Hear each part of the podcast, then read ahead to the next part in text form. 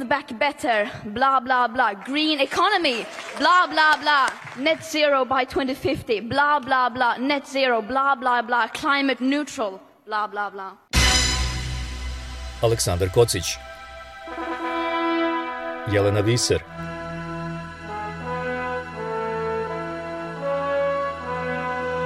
Radio Karantin Hronika istorije u nastajanju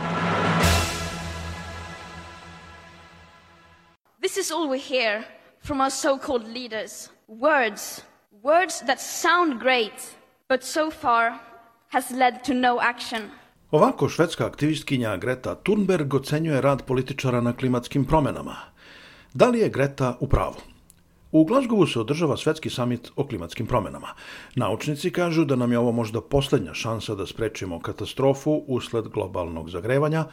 Političari klimaju glavom, ali preduzimaju manje nego što nauka traži. Ima li spasa za planetu? Kakve nas promene očekuju što se tiče klime, a kakve u pogledu načina života? I koliko nam je ova tema zaista važna? Radio Karantin traži odgovore na ta pitanja svake srede u novembru.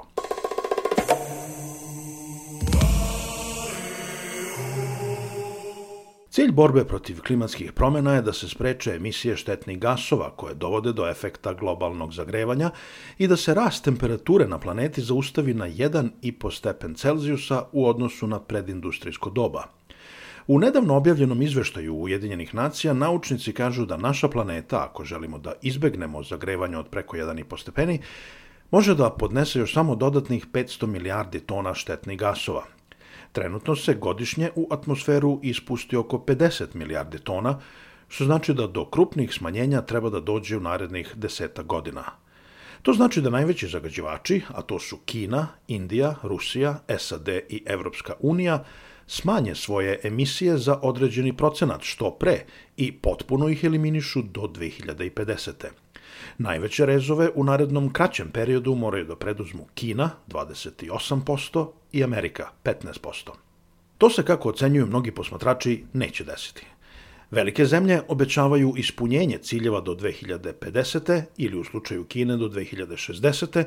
uz obavezu zemalja preuzetu na prethodnom samitu u Parizu da svakih pet godina dostavljaju revidirane planove kako će smanjiti emisije štetnih gasova – 116 zemalja to je uradilo u oči Glazgova, Kina i Indija nisu.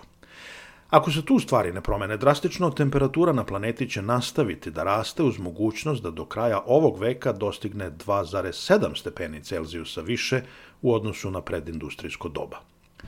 Da li je sve izgubljeno? Još ne znamo. U naredne dve emisije Radio Karantin će pokušati da objasni političke dimenzije pregovora o klimatskim promenama i analizira domete samita u Glazgovu. Pre toga da vidimo šta kaže nauka. Krišna Ačutarao je direktor Centra za atmosfersku nauku u New Delhiju. Njega sam prvo pitao da mi kaže šta je ono najvažnije što treba preduzeti da se spreči klimatska katastrofa. Well, I think in terms of long-term climate change and meeting the action is clear that we have to start reducing our emissions. Globally, the emissions have to come to zero. U smislu dugoročnih ciljeva stvar je vrlo jasna. Moramo da smanjimo emisije štetnih gasova. Te emisije moraju da se svedu na nulu ako želimo da rast temperature ne pređe 1,5 stepeni Celzijusovih. Tu pre svega govorimo o ugljen dioksidu. Naravno da ima i drugih štetnih gasova kojima se treba pozabaviti, ali ugljen dioksid je najvažniji. I koji su najbolji načini da to postignemo? I think there's there's one clear uh, way, which is to stop using fossil fuels. There are still going to be other emissions through industrial processes. Najbolji način je da prestanemo da koristimo fosilna goriva. Biće drugih emisija kroz industrijske procese i koje takođe treba eliminisati, od kojih je proizvodnja cementa jedan. Znači, emisije ugljen dioksida treba eliminisati gde god možemo, a njega će biti dokle god budemo koristili fosilna goriva. To znači ugalj, nafta, prirodni gas, katran, dakle sva goriva iz zemlje. Sva ona sadrže ugljenik koji je trenutno zarubljen i onog trenutka kada počnemo da kopamo, on se ispušta u atmosferu. To ne znači da nećemo imati više šta da sagorevamo. Imaćemo biogoriva. To praktično znači krupne promene u industriji, ali i našem načinu života. Da li još uvek imamo dovoljno vremena da mere koje se predlažu sprovedemo u delo? I'm optimistic that there is still time. We may overshoot our one and a half degree target, but I think there is still... Optimista sam u pogledu vremena. Možda ćemo prebaciti cilj od samo 1,5 stepen Celzijusa, ali još uvek ima vremena da ne promašimo taj cilj u velikoj meri i da preduzmemo korake da svakako ne pređemo 2 stepena Celzijusa. Dakle, to je onaj deo gde sam optimista. Tamo gde ne gajim velike nade jesu ljudi koji treba da donesu krupne i ozbiljne odluke. Oni se nisu dovoljno ozbiljili i to me brine. Sa praktične tačke gledišta, koliko drastični moraju da budu rezovi, na primjer u načinu na koji proizvodimo električnu energiju ili organizujemo javni i privatni prevoz? Most of the electricity production in nearly every country is still fossil fuel based. U većini zemalja proizvodnja struje i dalje se zasniva na fosilnim gorivima. Imate povremene periode kada neke zemlje poput Škotske pređu 50% proizvodnje od čistih izvora ili dođu na 100%, ali to su za sada izuzeci, a ne pravila. Znači, svaka zemlja će morati u potpunosti da reorganizuje svoju energetsku infrastrukturu, što je veliki posao. Znači, to će biti dramatične promene koje moraju da se dese širom sveta. To nije jednostavan posao. Da li imamo nove tehnologije za ovu transformaciju? Technology is not a huge insurmountable barrier. There are of course some barriers not everybody has Tehnologija nije nepremostiva prepreka. Naravno da za neke jeste jer nemaju svi pristup istim tehnologijama, ali već imate primere da se hidrogen koristi kao zamena za fosilna goriva. Znači, tehnologija postoji, ali je pitanje da li je svim zemljama dostupna, šta je sa pravima na upotrebu intelektualne svojine i slično. Tu će biti nekih problema, ali treba da imamo u vidu i da možda postoje nova rešenja za koja još ne znamo. Činjenica je da još nismo probali dovoljno snažno da dođemo do njih, jer nema dovoljno podsticaja da se dođe do novih tehnologija i da se one primenjuju.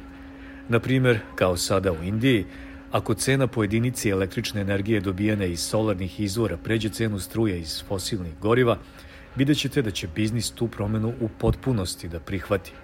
Da bi se do toga došlo, potrebne su nove investicije. Kakvu štetu ugljen dioksid pravi u atmosferi? CO2 is actually one of many gases which have the property of absorbing heat. Ugljen dioksid je jedan od mnogih gasova koji absorbuju toplotu. Možete da ga zamislite kao ćebe kojim ste se ogrnuli tokom hladne zimske večeri. Sa jednim ćebetom biće vam malo toplije, ali ne dovoljno, pa ćete uzeti još jedno ćebe i bit će vam prijatnije. Ako na to uzmete i treće, bit će vam pretoplo, Tako vam je sa ugljen dioksidom. Što ga više imate u atmosferi, to vam je kao da upija više vaše telesne toplote i sprečava da se ona raširi po sobi. Ugljen dioksid absorbuje toplotu sa zemlje i sprečava da se ona vrati u svemir. Znači, dodavanjem ugljen dioksida, metana i drugih gasova, mi zapravo navlačimo ćebad na sebe. I koliko dugo ta ćebad onda ostaje po nama? So if it is a greenhouse gas like methane, methane has a very short lifetime. Short meaning of just a few years. Metan ne živi dugo, svega nekoliko godina. Posle 10 do 15 godina on se hemijskim reakcijama transformiše u druge substance. Ugljen dioksid sa druge strane oslanja se na veoma spore prirodne procese da ga unište. Ugljen dioksid u atmosferi može da ostane stotinama i hiljadama godina pre nego što se vrati pod zemlju ili u okeane. Da je to gas kao drugi koji u atmosferi ostaje samo nekoliko godina, naš problem ne bi bio ovako veliki. Političari najavljuju mere koje će biti sprovedene do 2040. 50. ili 60. Da li to znači da će situacija sa klimom biti još lošija pre nego što krene na bolje? Yes, absolutely. Because as long as we keep adding or emitting CO2. Da, apsolutno. Ugljen dioksid će se skupljati u atmosferi dokle god ga budemo ispuštali, jer atmosferu zapravo čine akumulirani gasovi od pre nekoliko stotina godina od preindustrializacije, U prvih nekoliko stotina godina nismo imali velike emisije, ali se to promenilo posljednjih 50-60 godina i sada imamo kumulativne emisije i to je ono što utiče na našu klimu. Onog trenutka kada prestanemo da ispuštamo gasove, možemo da kažemo dobro, od sada temperatura više neće da raste. Ali ako nastavimo da se cenkamo oko rokova i kupujemo vreme, temperatura će da raste. Meni je jasno da ne možemo sve da zaustavimo preko noći i da je tranzicija neophodna, ali što je ta tranzicija sporija, to će više gasova stići u atmosferu. Što je ona brža, to manje gasova stiže u atmosferu. Radio karantin. Nedavno smo videli ekstremno visoke temperature u zapadnoj Kanadi ili velike poplave u Nemačkoj i Belgiji. Matt Collins je profesor klimatskih promjena na univerzitetu u Exeteru u Engleskoj. Njega sam pitao da mi kaže da li su te vrućine i poplave zapravo manifestacija klimatskih promjena. We had in the past, before climate change, floods and droughts and heat waves and even cold waves. And the point is that climate change doesn't kind of cause these events, but it can make them worse. Bilo je i ranije i poplave i suše i velikih vrućina, pa čak i velikih naleta hladnog vremena koji se dovode u vezu sa klimatskim promenama. Poenta je da klimatske promene ne izazivaju ove pojave, ali ih pospešuju. Znači, klimatske promene čine vrućine još vrelijim, padavine još intenzivnijim, kao što dovode i do promjena u tropskim predelima, gde ćemo u nekim delovima videti više padavina nego sada. To su te krupne promjene i rizik da one budu češće povećava se zbog klimatskih promjena. Šta još znamo o tome kako klimatske promjene utiču na konkretne delove planete? If we think about our day-to-day -day weather, so here in the UK, that's driven by in the wintertime storms which come across the Atlantic. Ako pogledate vremenske prilike na svakodnevnom nivou, kod nas u Britaniji one zavise od oluja iznad Atlantskog okeana. Klimatski modeli nam ne govore mnogo o tome kako će se ovi lokalni faktori menjati. Modeli nam pokazuju da će isti faktori biti važni i u buduće, ali dalje od toga ne znamo mnogo. U tropima ćemo videti intenziviranje monsunskih kiša, ali uz promene i varijacije na regionalnom nivou. Važno je da imamo u vidu da vreme i klima imaju svoje prirodne cikluse, odnosno fluktuacije. Trenutno vidimo da te fluktuacije postaju ekstremnije, posebno naleti vrućine koji su sada jači nego u vreme naših baka i deka.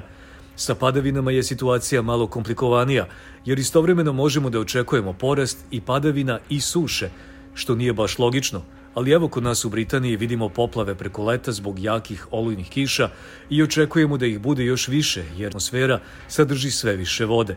Istovremeno, na Mediteranu očekujemo da leta budu sve sušnija. Koji delovi planete će biti najugroženiji? In the developing world uh, is where we see high vulnerability, uh, you know, and if, if a rain band, a tropical rain band moves. Najveću opasnost vidimo u zemljama u razvoju, Ako se tamo, na primjer, pojas tropskih kiša pomeri za samo 1% na sever ili istog, to će imati ozbiljne posljedice na poljoprivredu u regionu.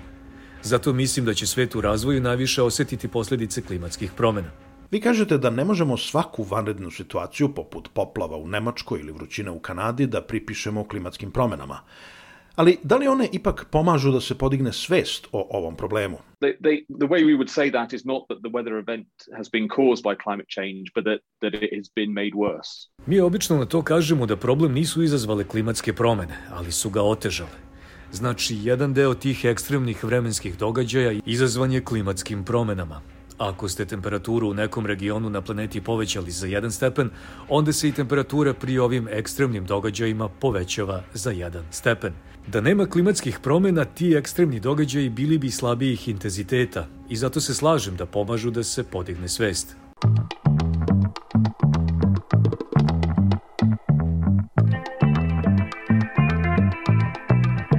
Radio karantin.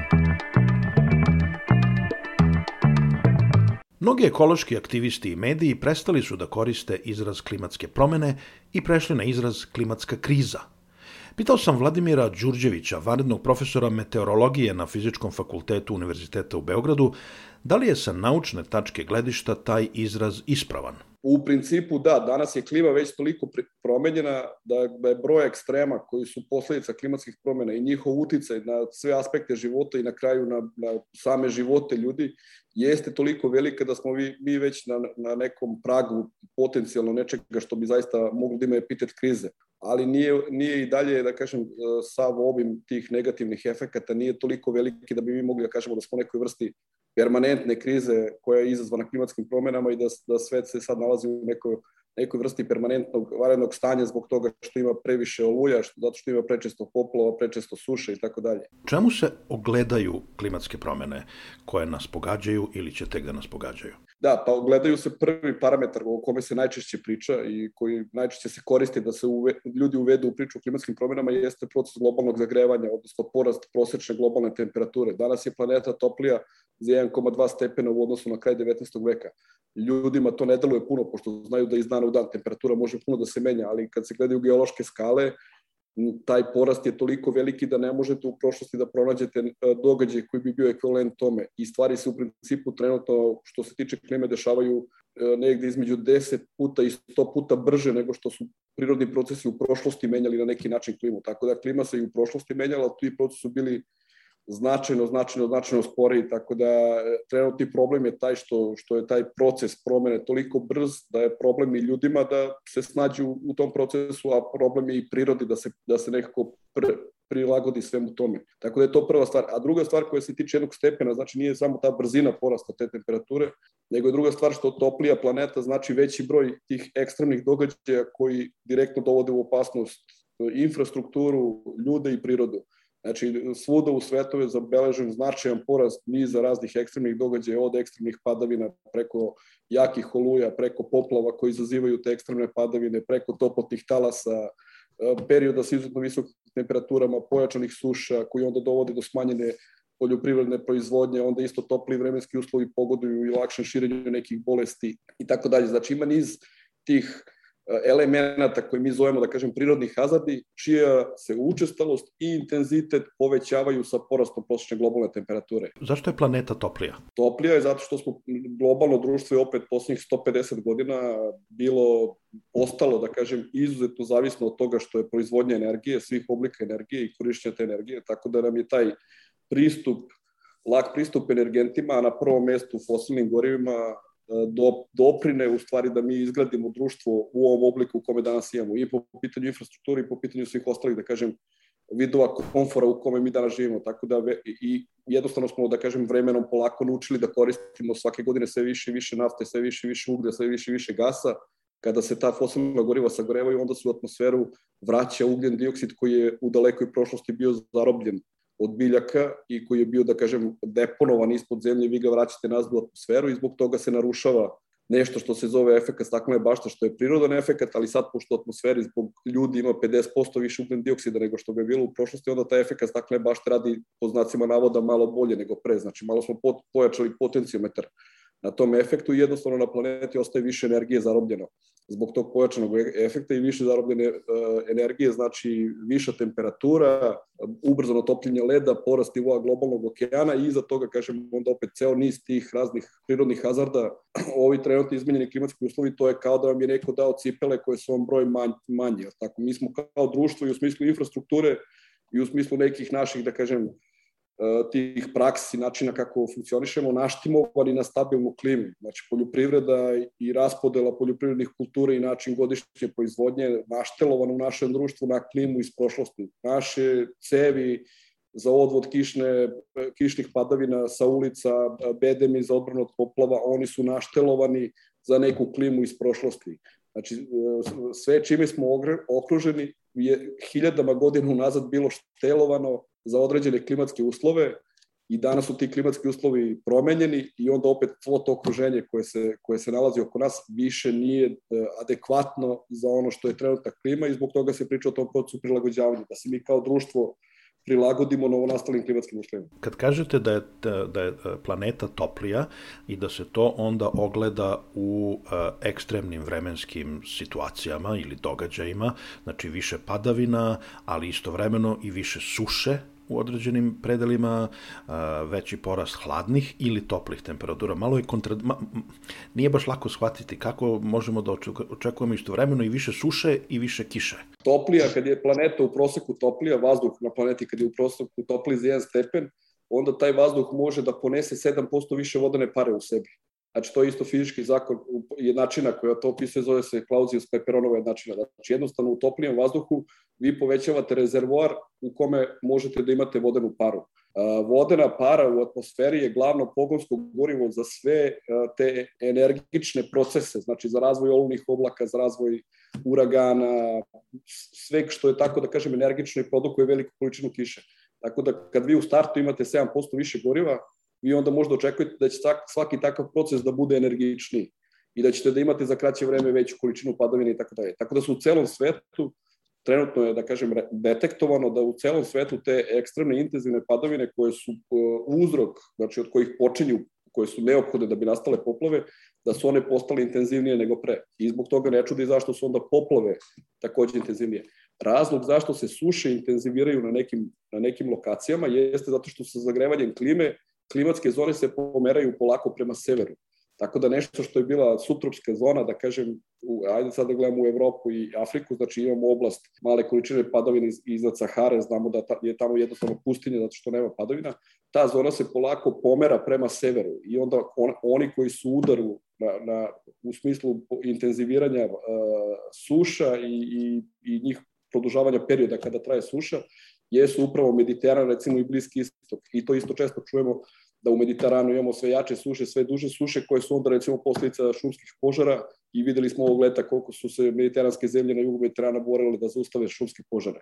Tako da e, suše se neće dešavati u severnim geografskim širinama, ali će se dešavati u toj oblasti gde se, da kažem, sudaraju ta suva klima subtropskog pojasa i umereno kontinentalna klima i sve te oblasti će verovatno u smislu toga da, da postanu sušnije. Ono što se recimo dešava u Srbiji, što je karakteristično za jugoistočnu Evropu, jeste da mi dobijamo, e, da kažem, i porciju i jednog i drugog efekta. S jedne strane, kod nas su isto zabeležene e, pojačane padavine, intenziviranje padavina, a s druge strane su opet zabeležene ove, i pojave dužih suša, posebno u toku toplijeg dela godine, u toku leta, zato što smo mi na toj granici o kojoj sam malo pre pričao sa, e, sa Mediteranom.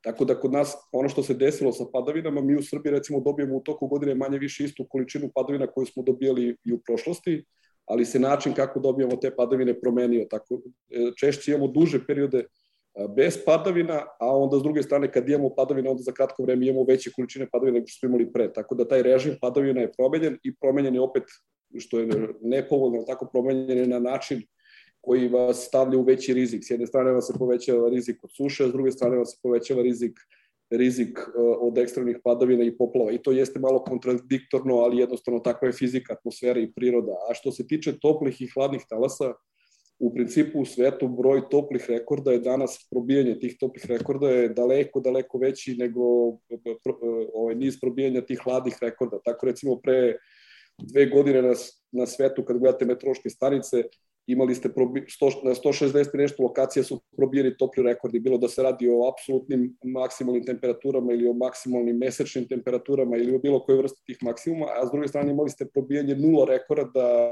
hladnih. A u stabilnoj klimi vi biste trebali da imate, to znamo i statistike, ali tako imamo onu Gaussovu raspodelu i onda ako s jedne strane se, da kažem, ako je nešto stabilno, onda će da bude e, podjednaka učestalost i ovih pozitivnih ekstrema i negativnih a mi vidimo u stvari da sad samo malte ne imamo te pozitivne ekstreme, a s druge strane da uopšte skoro nemamo negativne. Ali zašto se dešavaju ponekad ti hladni prodori koji onda isto mogu da se povežu sa, sa klimatskim promenama? Znamo u Americi, recimo, imali smo prošle zime taj prodor kad je Teksas ostao zaleđen danima i kad je njihov taj energijski sistem doživio kolaps zbog tih niskih temperatura zato što isto klimatske promene nisu samo, da sad kažem malo slučno, termodinamički problem, nije samo u pitanju da se planeta zagreva i hladi, nego zbog te promene u, u prošloj globalnoj temperaturi i način kako vazduh cirkuliše preko planete je promenjen. Znači, i, e, zato što cirkulacija vazdušnih masa preko planete vođena je time kolika je razlika u temperaturi između severnog pola i ekvatora. I pošto se severni pol zagreva malo brže od ostatka planete, jer se tamo ubrzano topi led, onda se ta razlika u temperaturi između pola i ekvatora danas smanjila u odnosu na prošlost. I zbog toga su ti premeštanje tih vazdušnih struja, da kažem, mi to slučno kažemo, postoje neka mlazna struja koja vodi te vazdušne mase, ona je postala malo više krivudava nego što je bila ranije i onda se često desi da na nekim lokacijama imate izuzet, period izuzetno toplog vremena u odnosu na, na doba godine koje posmatrate i onda odjedan put imate priliv vrlo hladnog vazduha sa severa i onda se, da kažem, na neki način preseče vreme, od jedan put za par dana dobijete totalnu promenu, imate veliku količinu, količinu padavine i tako dalje. E sad, evo, vi ste spomenuli, na primjer, uh, ekstremno hladno vreme u Teksasu, leto smo videli ogromne vrućine u zapadnoj Kanadi, gde ih inače nema, pa smo onda videli ogromne padavine u Nemačkoj i u Belgiji sa onim katastrofalnim poplavama. Uh, sa kojom s, preciznošću može da se kaže da su to sada posljedice klimatskih promena, a ne nekih redovnih klimatskih fluktuacija. Studija atribucije ili pronalaženja istog na engleskom, kako se kaže, fingerprinta od klimatskih promena su da, metodološki da kažem, prvi put predložen 70. godina prošlog veka i čovek koji je predložio Klaus Hasselmann, koji je predložio tu metodologiju, on je ove godine inače dobio Nobelovu nagradu za fiziku upravo zbog toga što je prvi da kažemo, osmislio način kako da razlikujemo nešto što je signal klimatskih promena u odnosu na nešto što je prirodna variabilnost klime, zato što klima isto ima svoju prirodnu variabilnost, nije temperatura ista svakog dana, niti je svake godine ista kao prethodna godina. Tako da jedno od tih pitanja u nauci o klimi jeste kako da, da razdvojimo to šta su klimatske promene, a šta je prirodna variabilnost i kažem danas opet zbog velike količine podataka i nečega što mi zovemo klimatskim modelima, mi smo u mogućnosti da razdvojimo maltene za svaki događaj na planeti da razvojimo to, razvojimo to šta je posljedica klimatskih promjena, a šta je, šta je prirodna variabilnost. Inače, jedan vrlo zanimljiv rad je oštampan pre nekoliko godina koji je pokazao da posle 2012. godine nije bio ni jedan dan na planeti da u nekom delu planete nije bio zabeležen neki događaj koji inače ne bi mogu da postoji bez klimatskih promjena. Radio karantin. Često se klimatske promjene u medijima predstavljaju kao planeta koja gori, neki Armagedon, sve u vatri i dimu, planeta će da, da, preživi, da preživi klimatske promene, pitanje je ne isto da će ljudi da prežive, verovatno će i ljudi, da kažem, ljudi su isto dosta kao vrsta adaptibilni, preživeli smo mi, da kažem, opet kao globalno društvo raznorazne ozbiljne probleme u prošlosti, ali je pitanje kako će da izgleda to to preživljavanje, ko će da budu dobitnici, ko će da budu gubitnici i da li ćemo uopšte uspeti da zadržimo u takvim uslovima, da li ćemo da zadržimo sadašnju strukturu našeg društva opet u obliku kakav, kakav nam je e, poznat. Tako? Da, li, da li će to potencijalno da izazove neke konflikte, da li će možda da izazove do nekih globalnih konflikata velikih razmera, koliko će se pojavi klimatskih izbeglica ili migranata i tako dalje. Znači, i to su neki izazovi kojima ne bismo smeli da se ne, ne bismo smeli da im damo, da kažem, e, e, šansu za događaj u smislu da kažemo, ajde vidjet ćemo šta će da se desi, pa ćemo onda reagovati u tom trenutku. Znači, mi stojimo na raskrsnici, imamo dva puta, jedan put koji je izuzetno rizičan i jedan put koji donosi daleko manje rizike i trenutno je pitanje naše odluke o koje ćemo ta dva puta da izaberemo. Nije pitanje ni tehnologije, nije pitanje, da kažem, ni mogućnosti da odaberemo taj, da kažem, manje rizičan put, pitanje je odluke. Znači, mi ne treba kao u društvu danas da smislimo ništa, jednu novu tehnologiju da bi, da bi omogućili, da bi izabrali taj bolji put. Trebamo jednostavno samo postojeće tehnologije da implementiramo dovoljno brzo i na dovoljno velikim skalama da, bi, da ne bi ušli u te, u te rizične scene.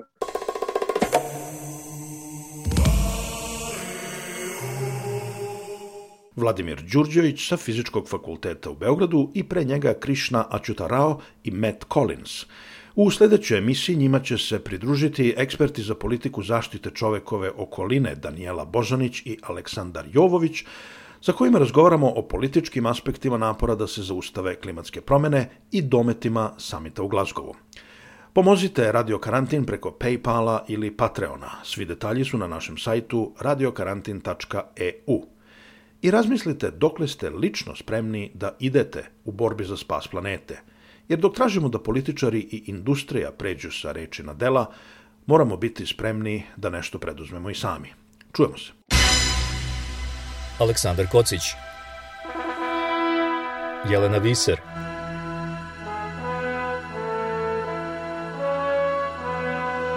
Radio Karantin Hronika istorije u nastajanju